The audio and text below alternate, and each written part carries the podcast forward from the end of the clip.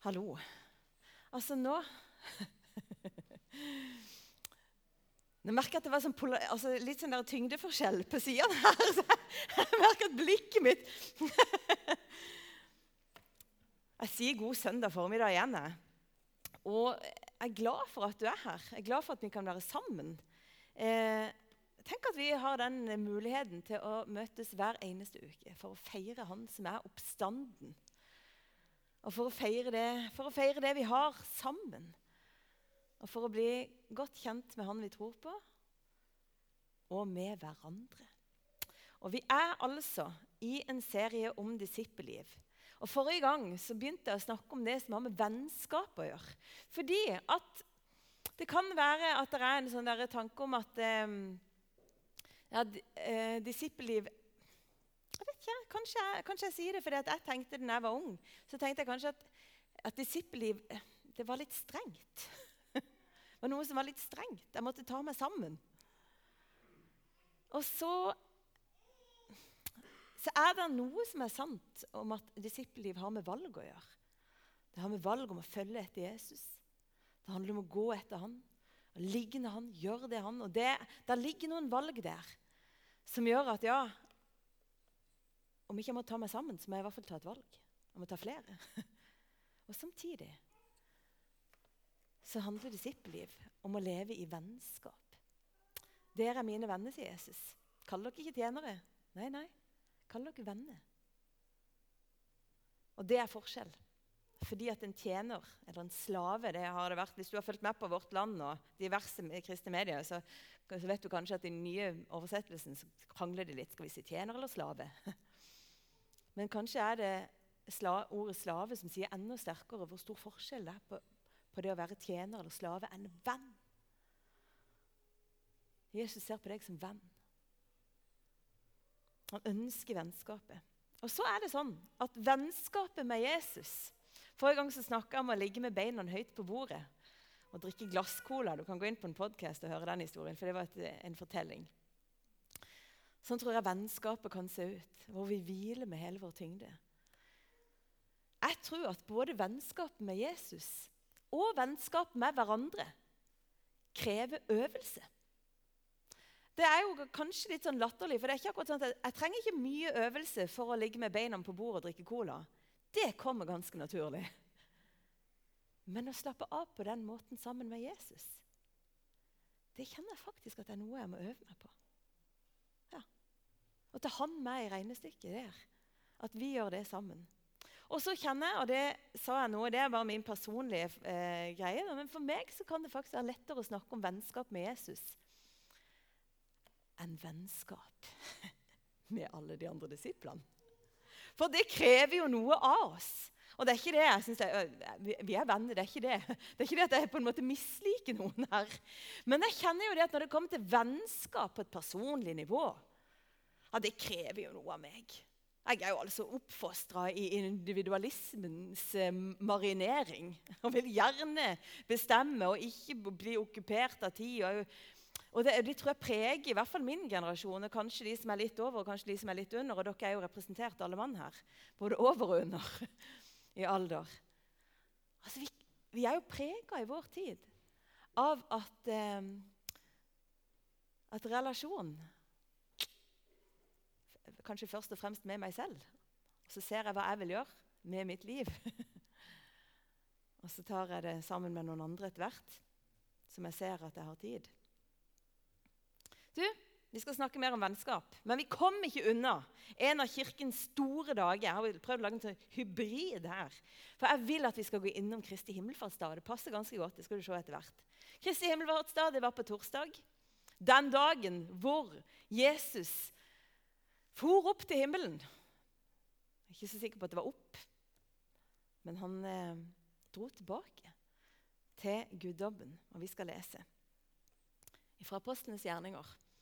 Mens de var sammen, spurte de han, 'Herre, er tiden nå kommet da du vil gjenreise riket for Israel?' Han svarte, 'Det er ikke dere gitt å kjenne tider og stunder som far har fastsatt av egen makt.' Men dere skal få kraft når Den hellige ånd kommer over dere. Og dere skal være mine vitner i Jerusalem og hele Judea, i Samaria og helt til jordens ende. Da han hadde sagt dette, ble han løfta opp mens de så på, og en sky tok han bort foran øynene deres. Som de nå stirret mot himmelen mens han dro bort, sto med ett to menn i hvite klær foran dem og sa, Galileere, hvorfor står dere og ser mot himmelen? Denne Jesus som ble tatt bort fra dere opp til himmelen, han skal komme igjen på samme måte som dere har sett ham fare opp til himmelen. Da vendte de tilbake til Jerusalem, fra den høyden som heter Oljeberget, og ligger nær Jerusalem, bare en sabbatsreise unna. Inne i byen gikk de opp på den salen hvor de pleide å holde til. Beklager. Det var et annet vann. Så skal du få høre resten.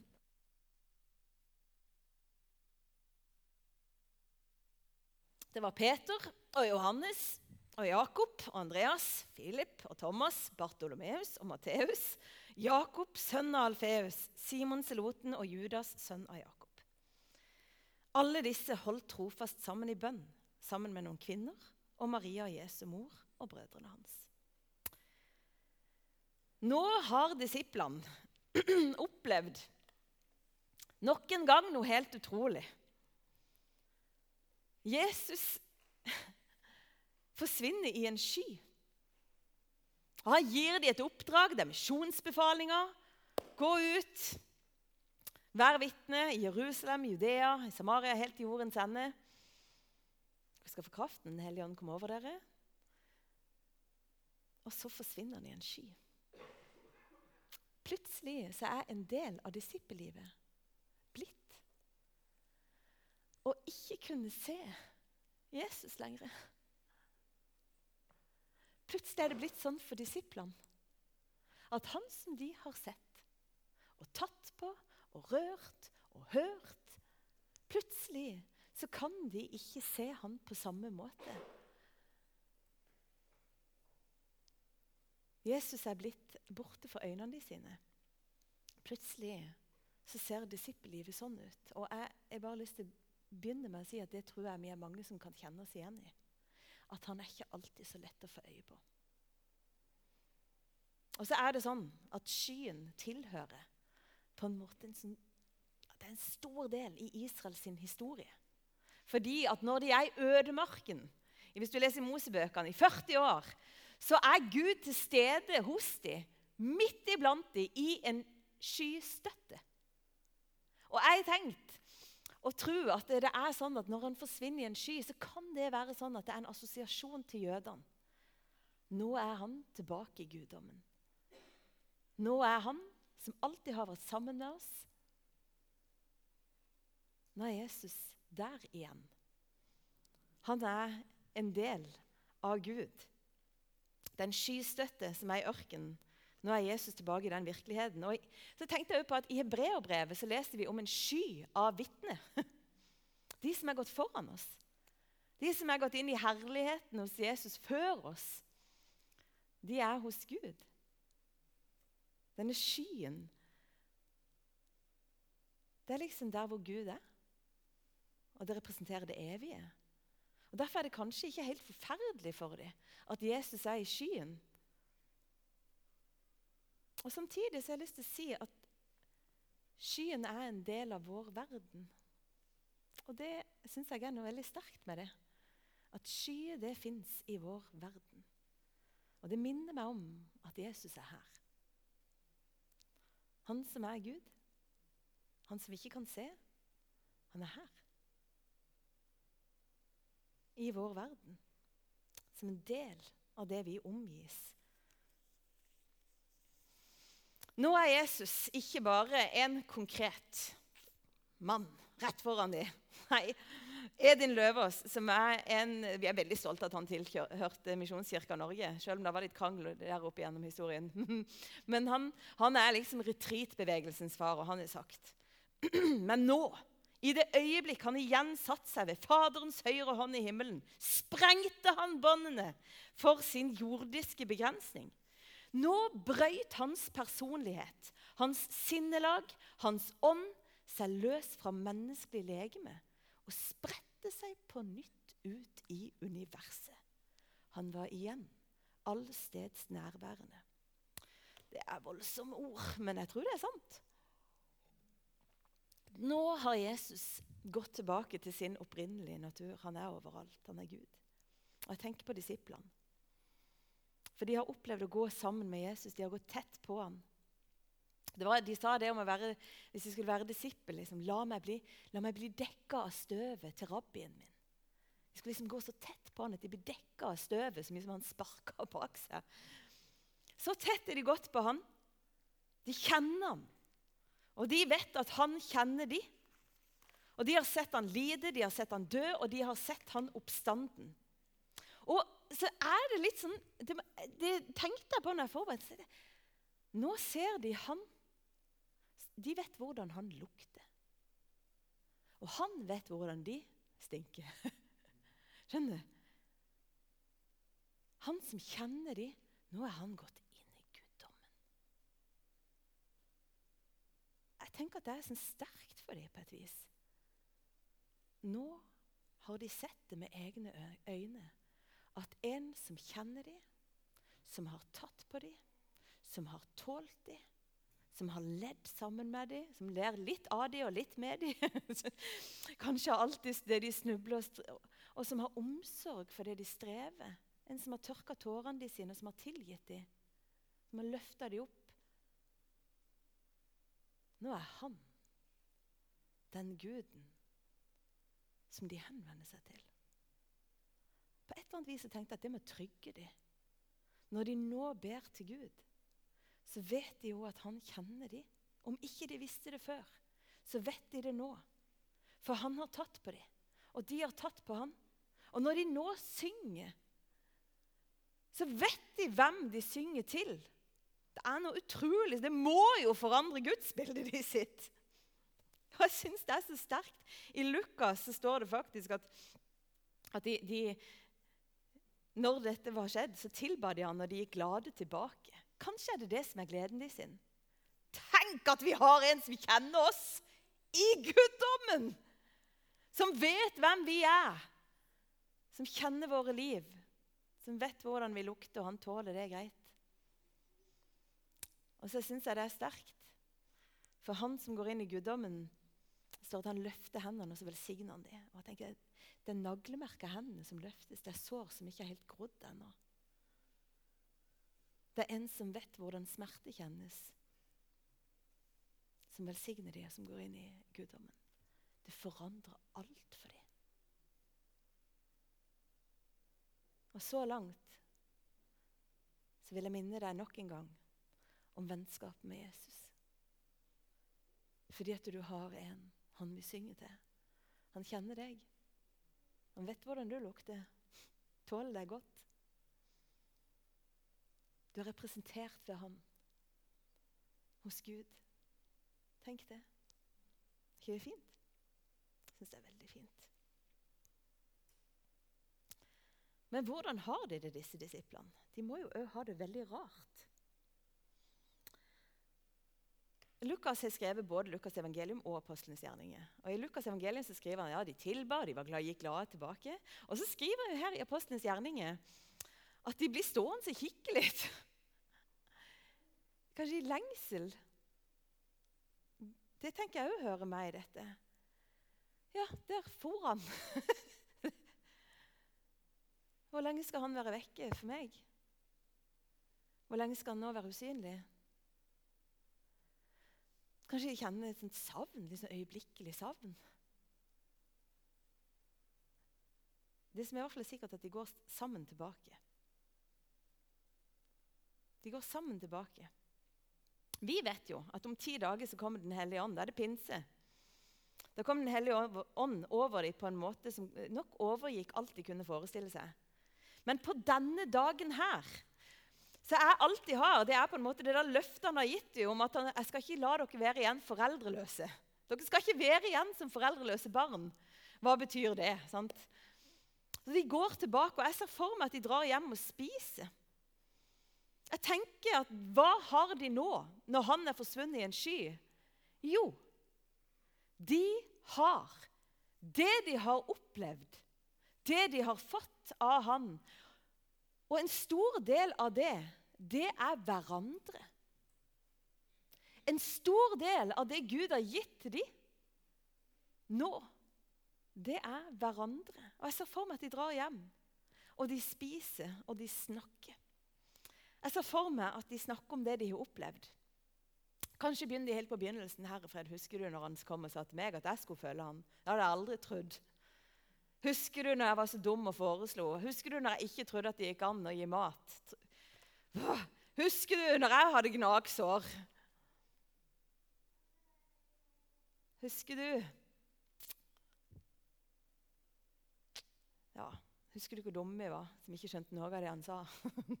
det var ingen andre heller som gjorde. Hva skal vi nå gjøre? Kanskje de nå, mer enn noen gang, så begynner de å skjønne at livet blir aldri mer det samme. For nå har de sett han. De har sett han levende, de har sett han lidende, de har sett han dø, og de har sett han oppstått. Og de har hørt at han sier at 'nå er det dere'. Dere er mine venner. Og nå har han gitt dem et oppdrag, og kanskje mer enn noen gang. Tidligere så har de jo løst det. altså Når Jesus har på en måte blitt litt borte for dem, så har de løst det på andre vis. Da har de gått tilbake til sitt. Så har de gått tilbake til å fiske. Sant? Nå går vi og fisker. Og så har de løst det med liksom, Når Jesus ikke er et sånn synlig sentrum for dem, da blir de sitt eget synlige sentrum. Og så bygger de sin egen verden da, med sin egen økonomi, sin egen hverdag. Ja, Begynner å fiske igjen. Jeg tenkte på Thomas. Han holdt seg for seg sjøl. Etter at Jesus var død, så holdt han seg for seg sjøl før han plutselig dukker opp på et sånt øverste loft hvor han får møte den oppstandende Jesus. Men jeg tenkte, hva har Thomas vært og gjort? Har han vært og rigga aksje? Har han vært og ordna seg og rigga et liv? Vet ikke. Jesus ble borte for han. Men nå gjør de ikke det. Nå holder de seg sammen. De har liksom bare fått sånn understrekt. De går ikke tilbake til noen annen plan, og de forlater ikke hverandre. Kanskje er det sånn at vi, de har forstått at hvis dette disippellivet virkelig skal leves, da trenger de hverandre. De trenger maten, og de trenger praten. Hvordan skal de forholde seg til det Jesus har sagt? Hva nå? Hvordan skal de gjøre folkeslag til disipler? Hvordan skal det se ut i mitt liv? Hvordan skal jeg orke å leve? Og Forrige gang så, snak, så tok jeg opp disse her, det er igjen Edin Løverstad som har noen sånn seks punkter til en disippel, hvor han først sier noe om en personlig relasjon til Jesus. Men jeg henger meg opp i de to siste. En disippel lever i fellesskap med andre disipler. Og en disippel forenkler livet sitt, sånn at de faktisk kan leve som disipler. Kanskje er det det som er praten rundt maten nå. Herlighet, vi har jo skjønt at den er ekte. Vi har jo skjønt at dette er virkelig.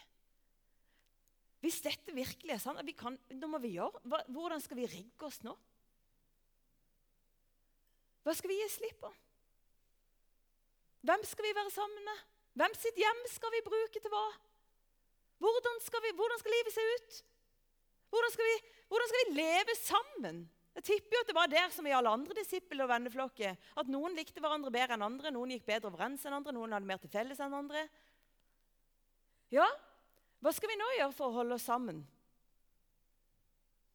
Hvordan skal vi, hvordan skal vi ha vennskap?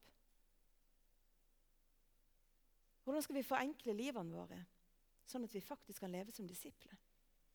Dette kommer til å kreve alt. Jeg tror de, jeg tror de ante det. For de trenger å snakke om sorgen over å ikke se han fysisk. De snak, trenger å snakke om frykten. Og dette er folk som vet at det er forfølgelse som ligger foran dem. Først er det jødene som forfølger dem, så kommer Romerriket. Og veldig få av dem eh, dør en naturlig død. De, de trenger vennskap. For dette, å være en disippel, det koster noe. De trenger tid sammen. Og de trenger vennskapet, for vi trenger å leve et liv. Vi trenger å le. Vi trenger å le sammen. Vi trenger å spise kake iblant, og av og til bare frukt. Kanskje vi skal jobbe med vektlegginga, iallfall i mitt eget liv. Forrige gang nevnte jeg vennskap på leir. Det har vært noe av det fineste for meg. Egentlig så var jeg eh, altså Opp igjennom det, De leirene jeg var på som barn og ungdom, det var speiderleirer. Det var helt nydelig. Altså, Å være så skitten som man er etter ei uke på speiderleir Gjengen, Nå ler du godt, det ser jeg, Espen, for det vet du noe om. Og ikke bare det, men du er skitten sammen med alle de andre. Altså, Alle stinker. Ingen legger merke til det, for alle lukter like vondt. Det er jo litt sånn når alle har vært i bål. ikke sant? Merker det ikke før du kommer inn og lukter på de klærne etter at du har dusja. Men det å være på leir sammen over lang tid, bare være menneske Der har jeg hatt, det, var, det er kanskje noe av det viktigste for mitt trosliv. Der, ble, der snakka vi om Gud. Og så var vi bare venner. Vi hogga ned trær som vi ikke skulle gjøre noen ting med. Det var veldig dårlig økonomisk. Men vi koste oss så. Og så gjorde vi noe som betydde noe for mange. Plutselig rydda vi strendene sammen. Jeg tror at de leirene, Jeg har vært med å arrangere en del leirer. Jeg sa det sist gang, jeg sier det igjen. For jeg tror at de leirene som er best, som vi klarer å skape for barn og unge og for andre, det er de leirene som kommer ut av vennskap. Når de som har planlagt det, har kost seg sammen. Det merkes, vet du. Sånn tror jeg det er her òg. Jeg tror at det er det vi holder på med, hvis det er prega av vennskap. Fylle hele huset. Fylle alt vi holder på med. Det er kjærligheten. Den bare mangedobler seg. Sånn tror jeg at det er.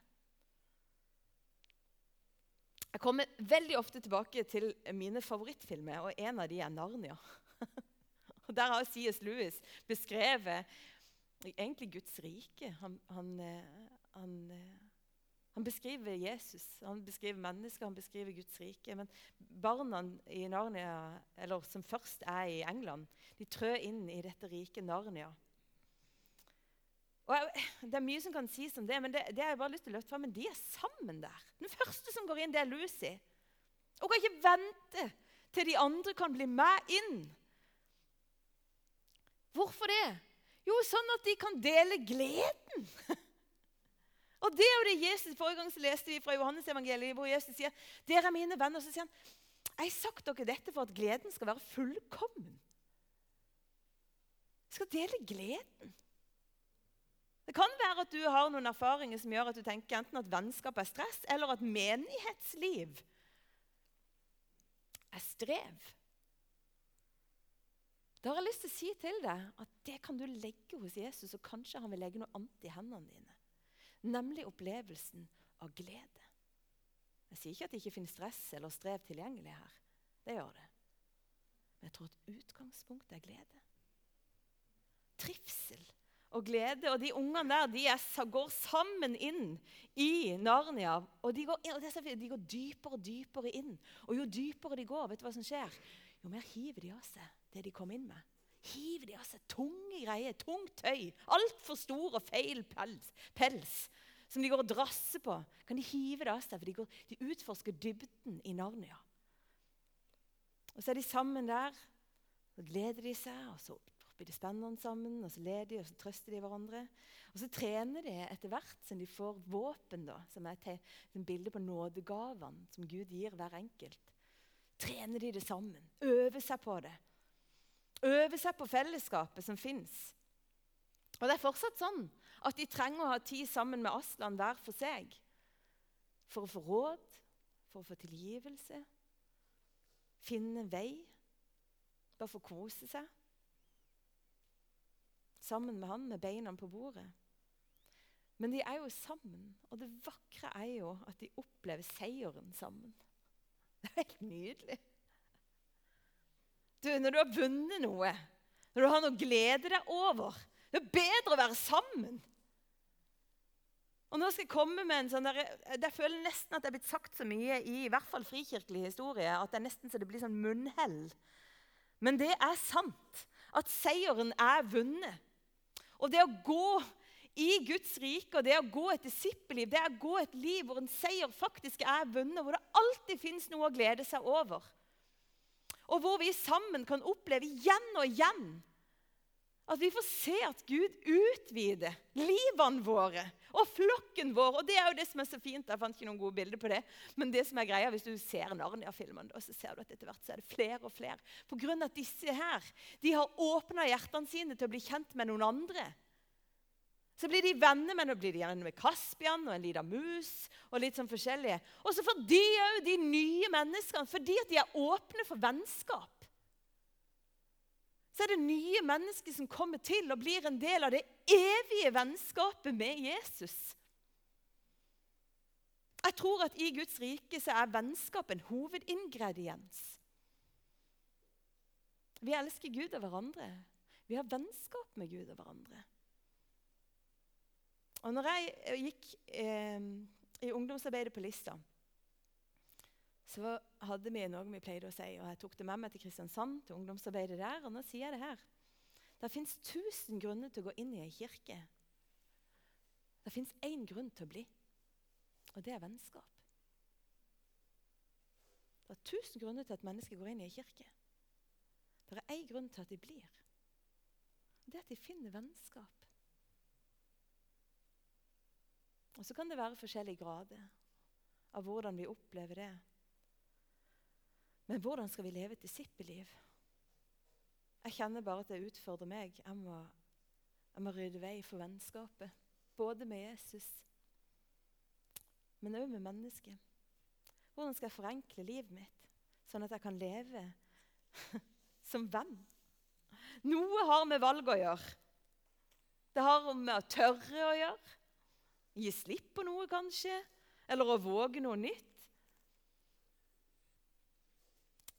Jeg tror Jeg vet at jeg sa dette forrige gang, men jeg gjentar det gjerne. Jeg tror at vi, hvis vi skal på en måte tåle å gå inn i vennskap med hverandre, så tror jeg bare det er enda viktigere at vi er godt forankra i vennskap med Jesus. Når jeg er godt forankra i vennskap med ham, da kan jeg slappe av i møte med deg. For da vet jeg når jeg møter deg, at jeg er allerede elska. Jeg vet at det er lov for meg å sette grenser for meg. Jeg kommer ikke til deg og ber deg om å fylle mitt beger, for jeg har en som kan det. Men jeg trenger deg. Jeg trenger at vi møtes. Jeg trenger Av og til er det du som fyller noe i meg. Nå jeg, jeg bruker deg veldig ja. For vi trenger òg hverandre. Jeg trenger det du har å gi. Jeg trenger det du har å lære meg trenger deg. Du kan ikke Du kan ikke mette min sjel.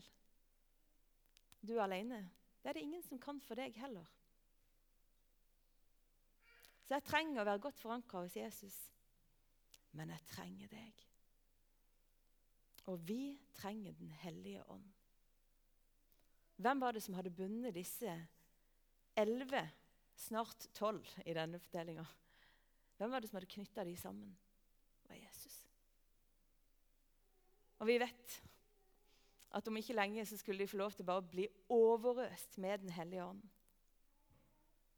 Jeg hørte nettopp en, eh, eh en fortelling Jeg vet ikke, jeg vet ikke hvordan man skal, eh, ord skal bruke på det. Men de hadde snakka i, i cellegruppe om eh, når tid er det godt å være sammen i kirka. Og da var det ei som hadde sagt det at eh, Det beste jeg vet, sa hun, det er når vi er så lenge et sted, i et møte, eller vi er så lenge sammen at vi merker at Den hellige ånd bare får virke. Vi er så lenge i lovsangen. Så sier jeg, Da er det noe som skjer. Da er det ikke sånn prestisje lenger. Da er jeg ikke så redd for å Da forsvinner prestisjegreia. Og så er det bare Den hellige ånd som binder oss sammen. Han bare binder oss sammen. Det er kanskje noe av det jeg syns er godt med å være på leir. Det er noe av det jeg synes er godt med å dra på Liv og Vekst eller på Menighetsviken. Vi er lenge sammen. Vi marineres i Den hellige ånd. Og det trenger vi. Vi trenger det for vennskapets skyld. Både for vennskapet med han vi tror på, men òg for vennskapet med hverandre. For det knytter oss sammen. Kirka, Guds flokk, har noe som ingen andre har. Vi har Den hellige ånd. Det er det som skiller oss. Det er det som binder oss. Og det er det som gir oss en dimensjon, en glede og et dyp inn i evigheten som ikke fins noen andre steder. Og Disiplene fikk erfare det. Og Kanskje var det nettopp det båndet som gjorde at de på ulikt vis mange med å gi livet sitt. De fullførte løpet. Og så brakte de Guds rike inn i denne verden. Elleve menn og noen kvinner og Jesu mor og brødre leste vi om i dag. Det har spredt seg. Og jeg tenker at det har spredt seg ut ifra vennskapet med Gud. Åpenbaringa av hvem han er. Vennskapet med den oppstandende Kristus. Og så tror jeg at det spredde seg ut ifra vennskap med hverandre. Mm. Gjennom vennskap med hverandre, kanskje mer riktig. Vi skal være litt i lovsang. Og um, Jeg vet ikke hva du trenger å be om eller å legge av deg. eller Du får snakke litt med Herren. Men vi har god sjanse til å bli godt kjent. Og kanskje blir du minnet om noen du skal våge å bli bedre kjent med. Mm. Jesus, takk skal du ha for at du er hos oss. Åh, og På den ene sida skulle jeg ønske at du var sånn fysisk eh, synlig midt iblant oss. Og på den andre sida er jeg så glad for at du er gått tilbake til den guddommen du alltid har hørt til i. Sånn at vi kan erfare deg alltid der vi er. Og takk, Jesus, for at i guddommen så er du der. Så har vi Så er vi kjent. Mm. Og du må hjelpe oss med dette og øve oss i vennskap, Herre. Hjelp oss, Herre, til å leve i fellesskap med deg, men òg med hverandre. Og hjelp oss til å forenkle livene våre, Herre, sånn at det blir mulig å være en disippel. Herre, jeg har lyst til å be om din velsignelse over hver enkelt. Du vet, Herre. Du vet alt. Takk skal du ha, Jesus. Amen.